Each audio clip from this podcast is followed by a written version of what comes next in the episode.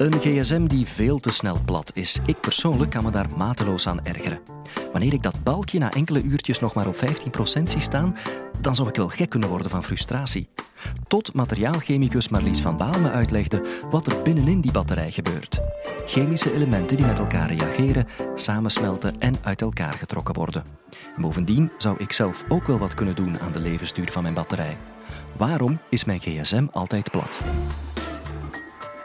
Dit is de Universiteit van Vlaanderen.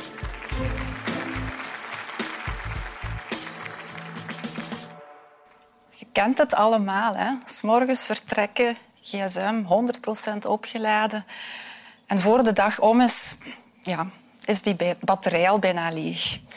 Natuurlijk vraag je je dan af waarom wij materiaalchemici nog altijd geen batterij uitgevonden hebben die het langer dan een dag uithoudt. Wel ja, dat is effectief toch wel waar wij onderzoek naar doen. Maar om uit te leggen waarom die gsm zo snel plat is, waarom die batterij zo snel leeg is, moeten we misschien eerst eens gaan kijken hoe een batterij precies werkt. Wat is eigenlijk een batterij? Een batterij, hier heb ik er eentje, levert stroom. En stroom, wat is dat? Dat zijn elektronen die bewegen. En elektronen zijn piepkleine negatieve ladingjes die uit de minkant van de batterij vertrekken, door een kabeltje stromen en dan onderweg bijvoorbeeld een lampje tegenkomen waar ze hun energie aan afgeven en vervolgens weer verder stromen om aan de pluspool terug binnen te komen. Hm? Nu, die min- en die pluskant die je ziet aan de buitenkant van het batterijtje, zijn aan de binnenkant geconnecteerd met elektrodematerialen. En daartussen kunnen chemische reacties gebeuren waarbij elektronen ofwel vrijgesteld worden ofwel opgenomen worden. Je hebt dus aan de minkant een elektrodemateriaal dat elektronen vrijstelt om af te geven en aan de pluskant een elektrodemateriaal dat elektronen opneemt van de stroom die aankomen. Dat is dus het basisprincipe van de batterij. En het uh, batterijtje dat ik jullie hier toon, is een standaard alkaline batterijtje.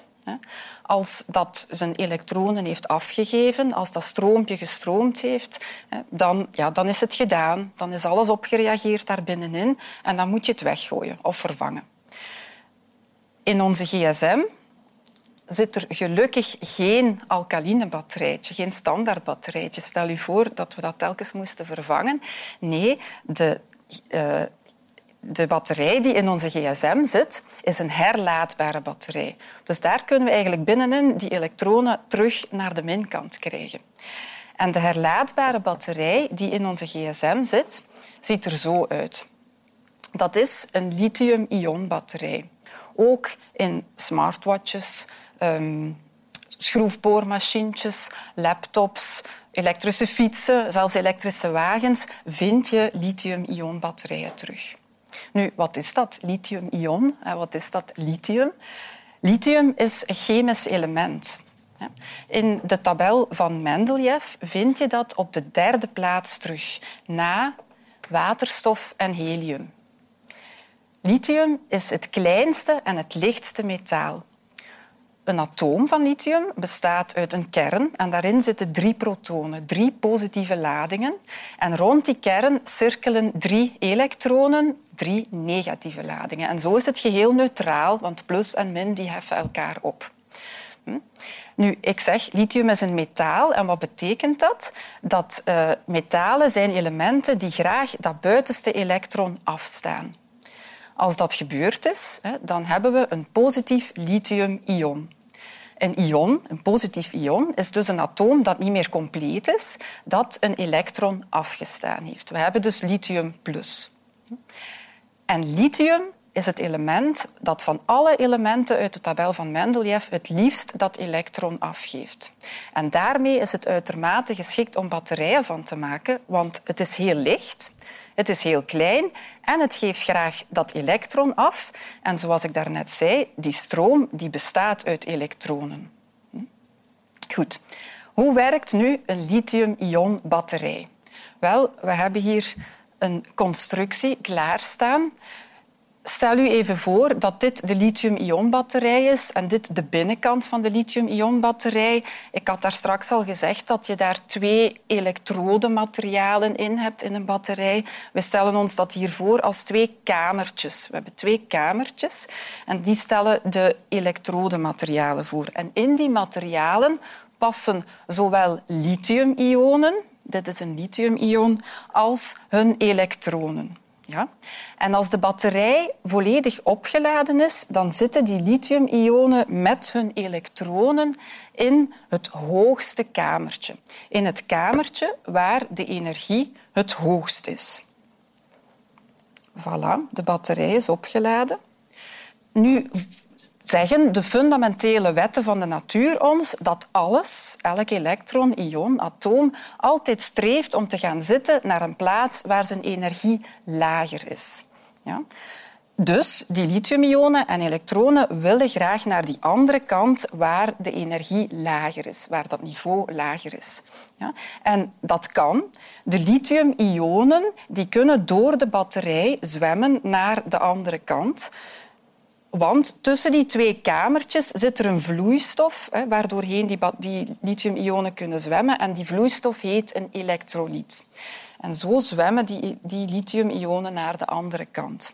De elektronen willen ook naar de andere kant, maar die kunnen niet binnen de batterij door, want dat gordijntje hier is een separator. Dat is een vliesje van materiaal dat geen elektronen doorlaat.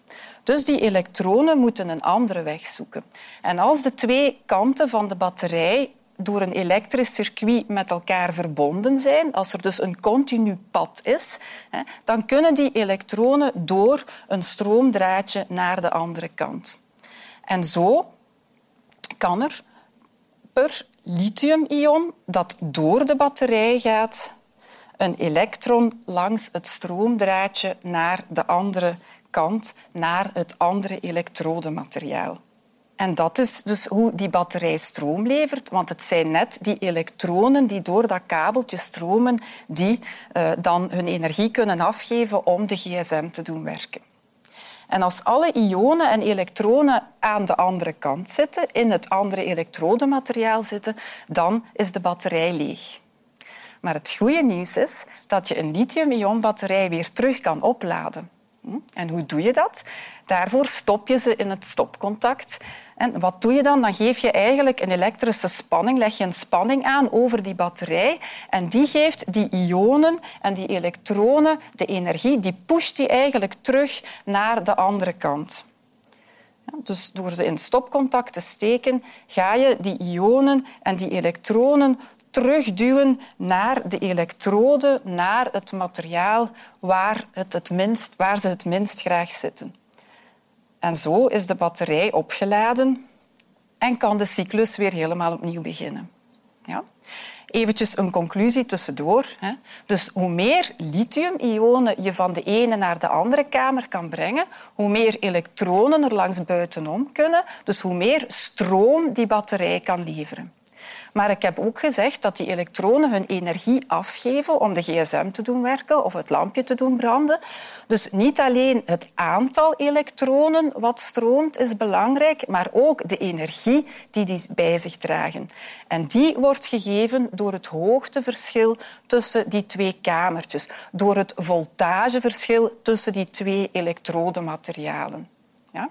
Voor een, een goede batterij, als je een goede batterij wil maken, zoek je dus naar elektrodematerialen waarin zoveel mogelijk lithium ingestopt kan worden en twee, waartussen een zo groot mogelijk voltageverschil bestaat. En als we eens gaan kijken naar ons batterijtje van de telefoon, dus naar onze lithium-ion batterij, dan staat daarop 3,8 volt. Dat is dat voltageverschil tussen die twee elektrodematerialen. En dat is meer en dus beter dan de anderhalve volt die hier op dat alkaline batterijtje staat. Goed, we weten nu hoe een lithium-ion batterij werkt, maar we willen ook graag weten waarom die verslechtert. Hoe komt het dat die capaciteit eigenlijk stelselmatig afneemt, dat je die naarmate je gebruikt steeds frequenter moet opnieuw gaan opladen? Wel, deze bak met twee kamertjes is natuurlijk een heel gesimplifieerde uh, voorstelling van de batterij. In werkelijkheid zijn dat geen, aan de binnenkant van de batterij geen kamertjes, maar dat zijn ja, echte materialen. Dat zijn substanties waarin die lithium-ionen in en uit moeten. En dat materiaal dat ziet er zo uit. Ja, dat is een zwart poeder. En binnen in de batterij moet je dus eigenlijk die brokjes van dat zwart poeder tegen de contacten aangedrukt hebben en zitten die dan in het, het elektrolyt eigenlijk ingedrenkt, in die vloeistof ingedrenkt. Ja? Nu, als ons batterij nog splinternieuw is, dan zijn die materialen nog allemaal mooi, gaaf en egaal. Maar door gebruik van die batterij gaat daar wel wat degradatie gebeuren. Bijvoorbeeld het elektrolyt, de vloeistof waardoor die ionen moeten zwemmen, is eigenlijk niet helemaal stabiel bij die hoge en lage voltages van die elektrodematerialen. Wat gaat er dus gebeuren? Dat elektrolyt gaat chemisch ontbinden en gaat zijn degradatieproducten gaan afzetten op die brokjes elektrodemateriaal. Hier zie je een brokje elektrodemateriaal waar al zo'n laagje op afgezet is. Het is nog heel dun. En op zich is dat niet zo erg, zolang dat laagje niet te dik is, dat de lithium-ionen er nog in en uit kunnen. Maar wat wel een probleem is, is dat bij de vorming van dat laagje er lithium-ionen mee vastgezet worden in dat laagje. Dus die kunnen niet meer gebruikt worden om de batterij te doen werken. En wat gebeurt er dus als wij de batterij gaan laden en ontladen? Dan gaan lithium-ionen dus afwisselend in en uit die brokjes materiaal moeten. En wanneer die lithium-ionen in zo'n materiaalbrokje kruipen, gaat dat een klein beetje opzwellen. Wanneer de lithium-ionen er weer uitgaan, gaat dat een piepklein beetje krimpen. En door dat vaak te doen, gaan er heel kleine scheurtjes of barstjes in die brokjes materiaal ontstaan.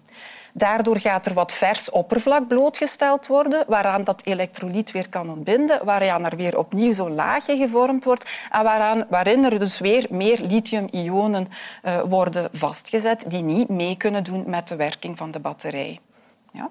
Dus stelselmatig verlies je aan capaciteit van je batterij door telkens wanneer er zo'n scheurtje of een barstje ontstaat door het zwellen en krimpen van die brokjes elektrodemateriaal wanneer ze lithium laden en lossen.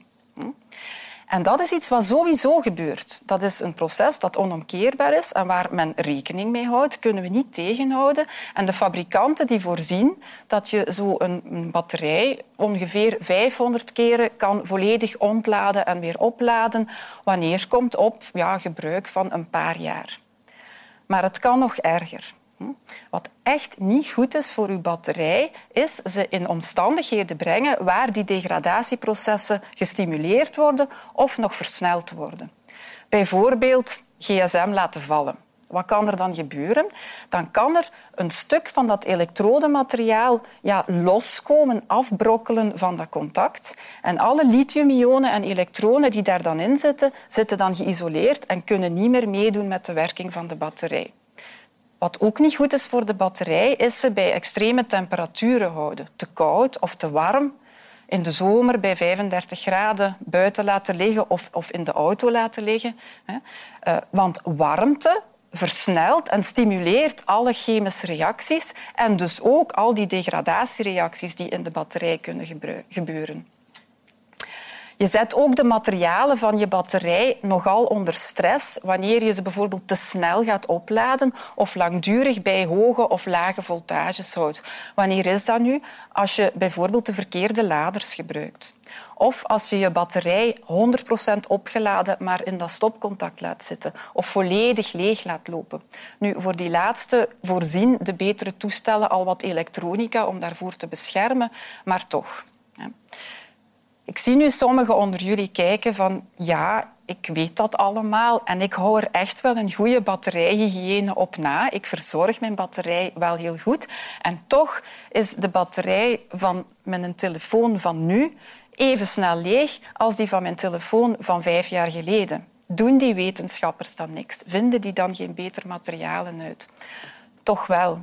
Wij werken daar keihard aan en wij hebben ondertussen ook al wel betere elektrodematerialen, waar je dus meer lithium in kan stoppen in een kleiner volume, eh, die een hoger voltageverschil uh, hebben ten opzichte van elkaar. We hebben elektrolietvloeistoffen die stabieler zijn bij die voltages, waar de vorming van dat laagje beter gecontroleerd is. We hebben duurzame materialen, betere processen en zo verder. Maar desondanks houdt die gsm het niet langer uit. We mogen daarbij natuurlijk ook niet vergeten dat deze toestelletjes zelf ook een hele evolutie ondergaan. Die schermen worden steeds groter en helderder. Dat vreet energie. Daar gebeuren meer en meer processen, zitten computertjes in, gebeuren rekenprocessen, uh, zitten meer apps in, wordt continu van alles gemonitord, energievretende datatransfer de hele dag. Hè. En daardoor gebruiken wij die gsm ook veel intensiever. Dus op de vraag waarom is mijn gsm altijd plat, is mijn antwoord ja, daar zitten materialen in die verslijten. Maar laten we niet alles op de batterij steken. Het is ook dit toestelletje, dat elektronisch, of de elektronica in, die, in dit toestelletje, wat enorm evolueert. En wij als gebruiker die ook veel meer eisen van onze gsm, waardoor we veel meer energie verbruiken met onze gsm.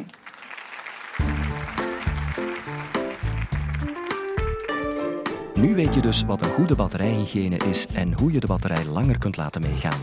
Benieuwd hoe je een snellere gsm maakt? Luister dan naar podcast nummer 163. Kan jij met je computer een snellere smartphone ontwikkelen? Van Dr. Danny van Poeken.